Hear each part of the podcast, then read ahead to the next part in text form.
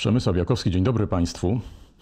Brak dostępu do wody pitnej to potężny problem na całym świecie, choć trzeba uczciwie przyznać, że z naszej polskiej czy europejskiej perspektywy to nie jest aż tak widzialne i aż tak na to nie zwracamy uwagi. No ale są takie miejsca na świecie, w których to jest naprawdę gigantyczny problem. Jednym z takich miejsc jest Sudan Południowy, z którym teraz się łączymy. Na miejscu Daria Wrażeń, koordynatorka miejskiej polskiej akcji humanitarnej w tym najmłodszym kraju na świecie. Dzień dobry Daria, witaj. Cześć, dzień dobry, cześć wszystkim. Daria, co znaczy woda w Sudanie Południowym, w kraju, który jest na mapie bardzo krótko, który zmaga się z różnymi naprawdę dużymi problemami, o których za moment powiemy. E, w Sudanie Południowym e, woda jest e, czymś absolutnie fundamentalnym. Nie ma tak na dobrą sprawę prawie żadnego aspektu życia, który z wodą by się nie wiązał. Od jej czystości i dostępności zależna jest szansa na zdrowie, ale także życie osób, które tu mieszkają. E, no ale woda potrzebna jest nie tylko do picia. E, bez niej trudno jest e, przygotować chociażby pożywienie czy zadbać o higienę. A w praktyce, no bo w Europie jest tak, idziemy do łazienki, odkręcamy kurek, nie zastanawiamy się w ogóle nad tym, a jeśli zdarzy się raz na kiedyś, że ta woda nie leci, to znaczy, że to jest awaria, za moment będzie usunięta i tyle, i koniec myślenia o wodzie. A w Sudanie Południowym? E, w Sudanie Południowym tradycyjnie za wodę odpowiadają kobiety i dziewczęta. E, średnia e, odległość, którą one muszą pokonywać w ciągu jednego dnia, to jest nawet 12 kilometrów. I ta duża odległość od bezpiecznego ujęcia wody to nie jest tylko coś, co jest bardzo uciążliwe, ale niesie to ze sobą szereg poważnych zagrożeń tak jak wspomniałam, e, dziewczynki i kobiety, które e, są odpowiedzialne za dostarczanie tego surowca, e, tak naprawdę cały ten czas, który mogłyby poświęcić na naukę, zdobywanie wykształcenia czy jakąkolwiek dodatkową pracę, muszą ten, ten, ten czas poświęcić po prostu na zdobycie wody. Jest to mm, ogromna strata, strata potencjału kobiet i dziewcząt. Oczywiście wiąże się to także mm, z tym, że e, kobiety i dziewczynki, które pokonują tak długą drogę, często przez burz, po prostu e, po drodze narażone są także na przemoc, wymuszenia oraz e, napaści seksualne. A co w ogóle z wodociągami, kanalizacją? Ja jestem w tej chwili w Dżubie, w Sudanie Południowym, w stolicy. E, no i nawet w stolicy e, nie ma wodociągów, e, nie ma kanalizacji. Także mm, bardzo często słyszy się, że w Afryce nie ma wody. I oczywiście Afryka problem z wodą ma, ale wiele z tych problemów ma charakter ekonomiczny, a nie naturalny. I na przykład w Sudanie Południowym, w którym ja pracuję, e, są odpowiednie e, zasoby wody, ale, ale właśnie nie ma odpowiedniej infrastruktury, czyli nie ma tych wspomnianych już wodociągów, kanalizacji. Tu w mieście woda dowożona jest e, takimi cysternami. ona wcześniej jest pobierana z Nilu i dowożona mieszkańcom do, do, do budynków i przetrzymywana w zbiornikach na wodę. I ten problem braku wody dotyczy także miast, ale nieporównywalnie bardziej e, dotyka jednak mieszkańców wsi. I to nie jest tylko tak, że e, problemem jest e, sama infrastruktura wodna, której nie ma, bo w kraju, który mhm. jest dwa razy większy powierzchniowo od Polski, jest 250 kilometrów dróg asfaltowych. Nam jest zupełnie ciężko sobie tak to wyobrazić z tej, z tej, naszej perspektywy kraju e, e, rozwiniętego. Mm, no ale e, skupmy się, czy może zostańmy przy tej wodzie, bo mhm. wspomniałaś też na początku, że no jedna rzecz to jest jakby fundamentalna rzecz potrzebna do życia, chyba nigdzie indziej, czy, czy w niewielu miejscach na świecie to, że woda to życie, no nie brzmi tak prawdziwie ten slogan. Ja, ja przynajmniej takie odnoszę wrażenie. E, tak, jest to, woda jest e, fundamentalna dla Sudanu Południowego. E, UNICEF szacuje, że mm, z powodu zanieczyszczonej wody umiera 20 razy więcej dzieci poniżej 5 roku życia. Dzieci, które mieszkają w rejonach konfliktów zbrojnych i tych dzieci umiera, umiera w takich miejscach więcej niż wskutek prowadzonych tam działań bojowych. Tak naprawdę na całym świecie rocznie aż półtora miliona e, ludzi e, umiera przez e, biegunki spowodowane piciem brudnej wody. To jest prawie tysiąc dzieci dziennie. Zastanawiam się jeszcze nad, nad jedną rzeczą, mhm. bo mówiliśmy o tym dostępie do wody, ale bardzo ważną kwestią jest też to, czy y, ta woda jest zdatna do picia po prostu, no bo ona, ona może być, ale e, no może być, y, powodować liczne choroby, kłopoty mhm. układu pokarmowego. Czy są jakieś mm, takie proste rozwiązania? No, e, Znowu wracam do naszego zachodniego, rozwiniętego mhm. świata, gdzie mamy butelki filtrujące, mamy różne patenty, jest, jest, jest tego przecież mnóstwo, jak tę e, wodę nawet z jakiegoś jeziora czy strumyka e, oczyścić. No a jak to jest tam na miejscu? Um.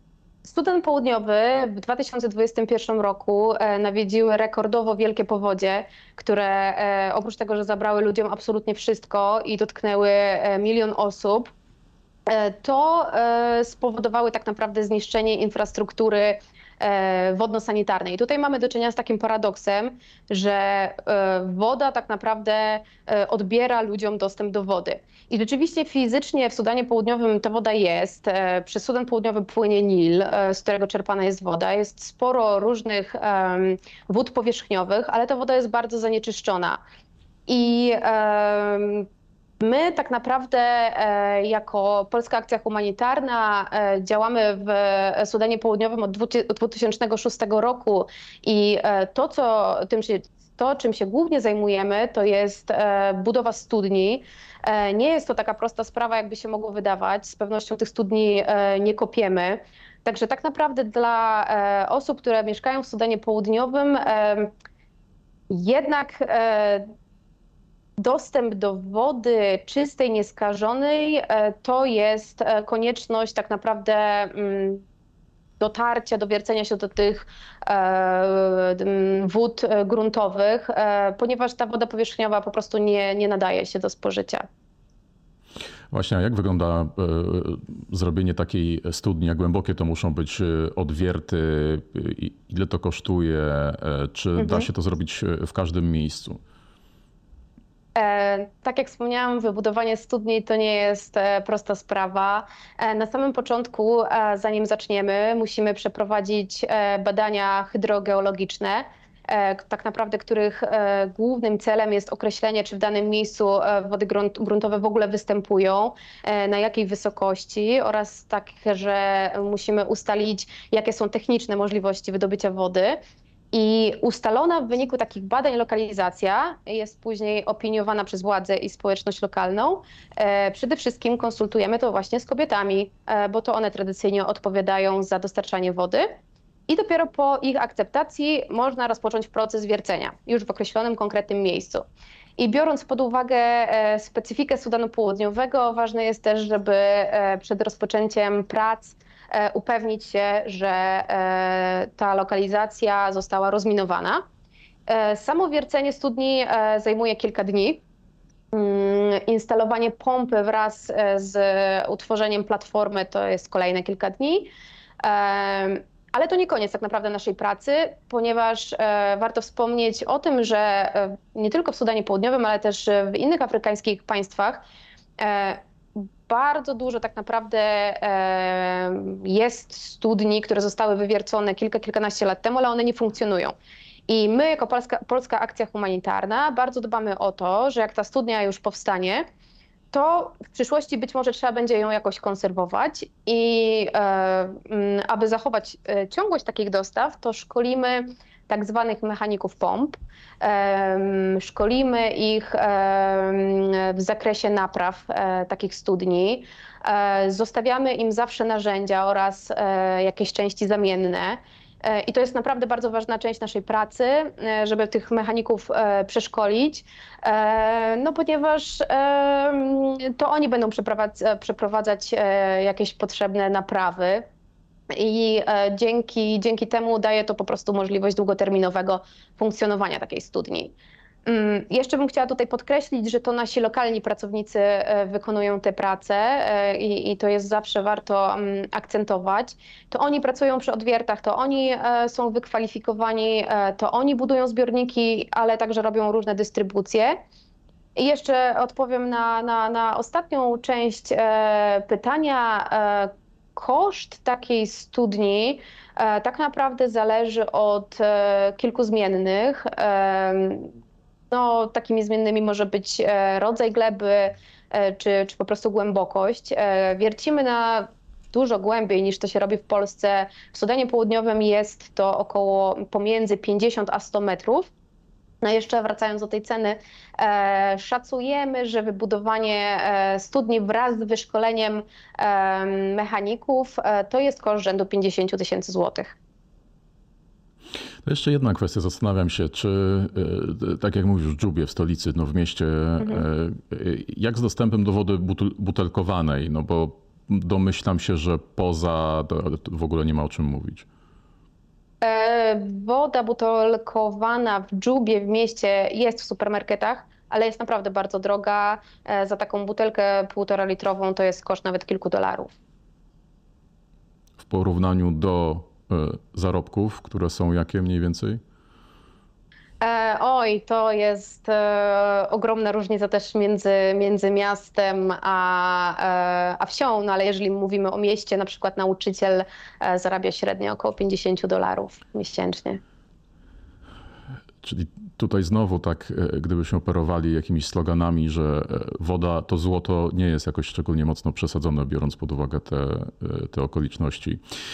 Chciałbym, żebyśmy jeszcze trochę szerzej porozmawiali o, e, o, o, kontekście Sudanu e, Południowego. E, ja może jeszcze raz to podkreślę dla, dla widzów czy słuchaczy, którzy niewiele wiedzą o tym kraju i to nic dziwnego, bo ten kraj jest na mapie od, staje się, 12 lat, jeśli dobrze zapamiętałem. Ty wspomniałaś o jednej bardzo ważnej rzeczy w momencie wybierania tych miejsc czy sprawdzania miejsc do odwiertów, że to musi być rozminowane miejsce. To jest kraj, który zmagał się przez wiele lat z wojną. Na ile to jeszcze odcinka piętno, na ile to jest jeszcze widoczne w tym kraju?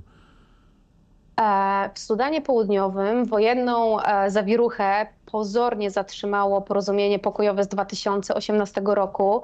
E, w rzeczywistości to jest jednak niekończąca się wojna, którą świat dawno stracił z oczu. Sytuację utrudniają również bardzo trudne warunki klimatyczne ale w kraju, jeśli chodzi o bezpieczeństwo, sytuacja jest dalej bardzo niestabilna brakuje podstawowych usług. Tak jak wspomniałam, e, w efekcie e, przemocy, która wciąż e, ma miejsce w Sudanie Południowym, wiele rodzin jest zmuszanych do opuszczania swoich miejsc, swoich domów pomimo trwającego porozumienia pokojowego, e, walki trwają tak naprawdę e, we wszystkich e, częściach całego kraju. Są to głównie konflikty etniczne.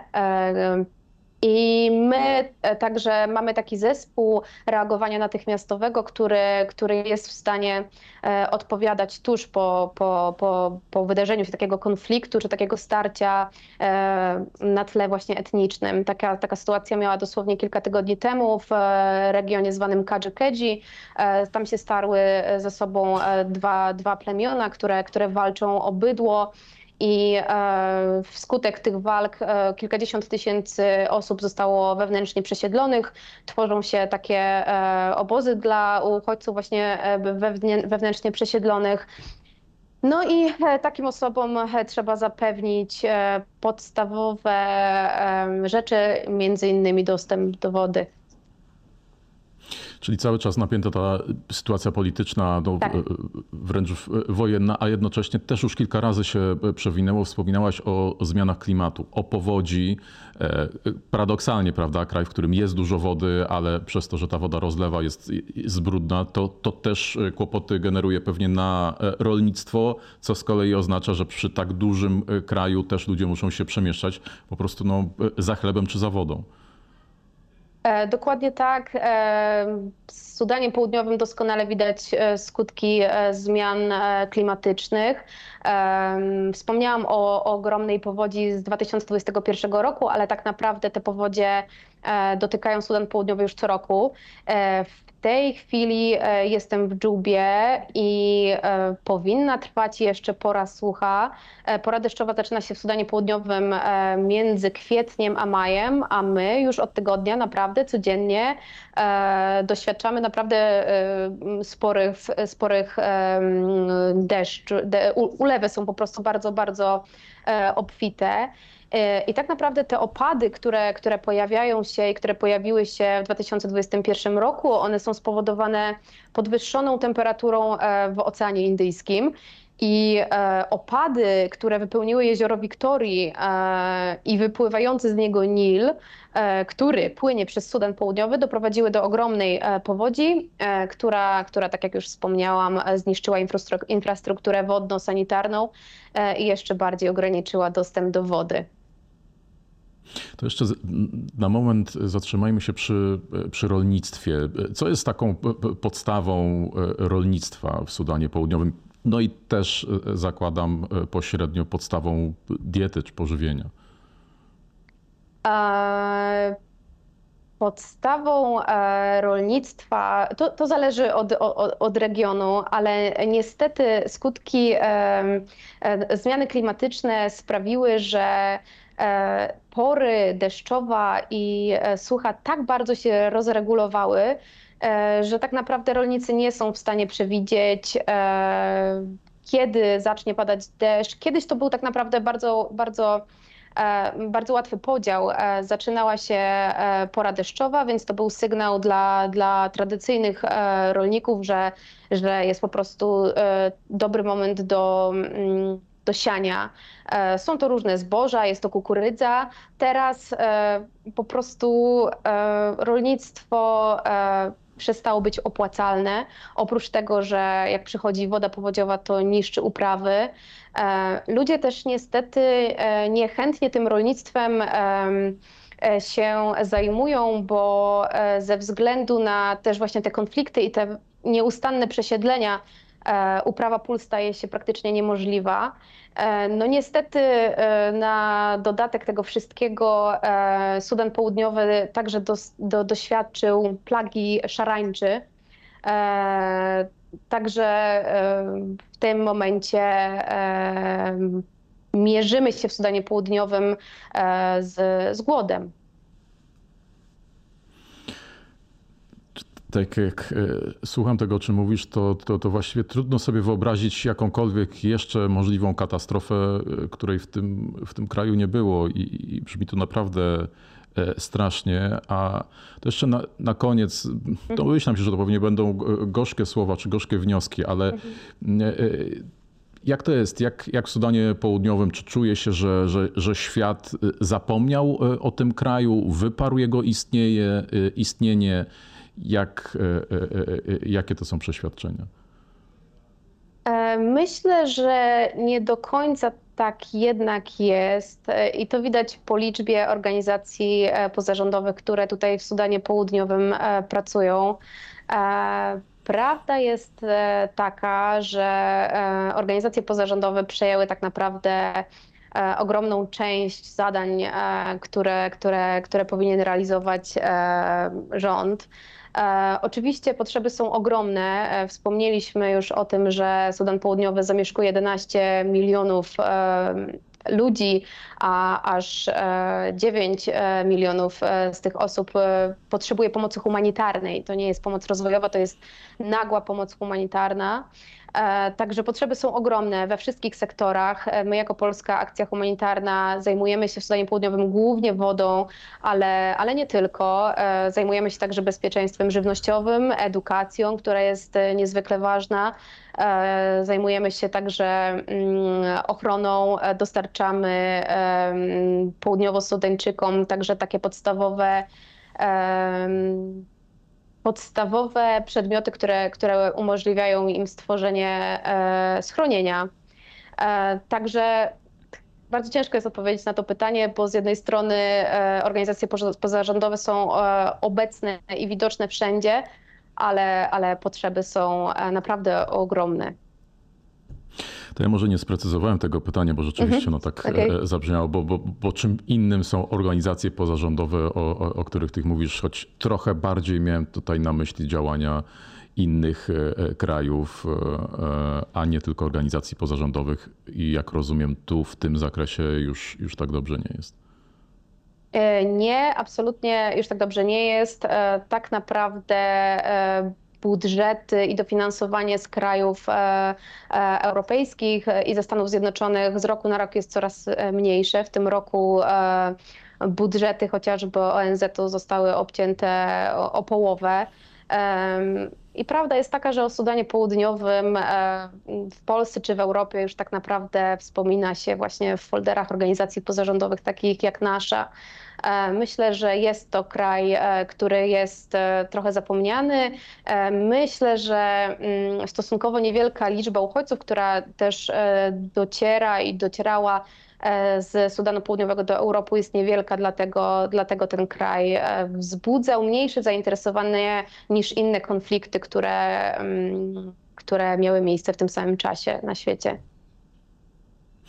No to mam nadzieję, że tą naszą rozmową i tymi informacjami od Ciebie zwróciliśmy y, y, uwagę na Sudan Południowy, kraj, y, jak słyszeliśmy, z bardzo, bardzo różnymi problemami, w których pomaga między innymi Polska Akcja Humanitaria. Daria Wrażeń, pięknie Ci dziękuję. Koordynatorka e, Pachu y, w Sudanie Południowym. Jeszcze raz wielkie dzięki, wszystkiego dobrego i powodzenia.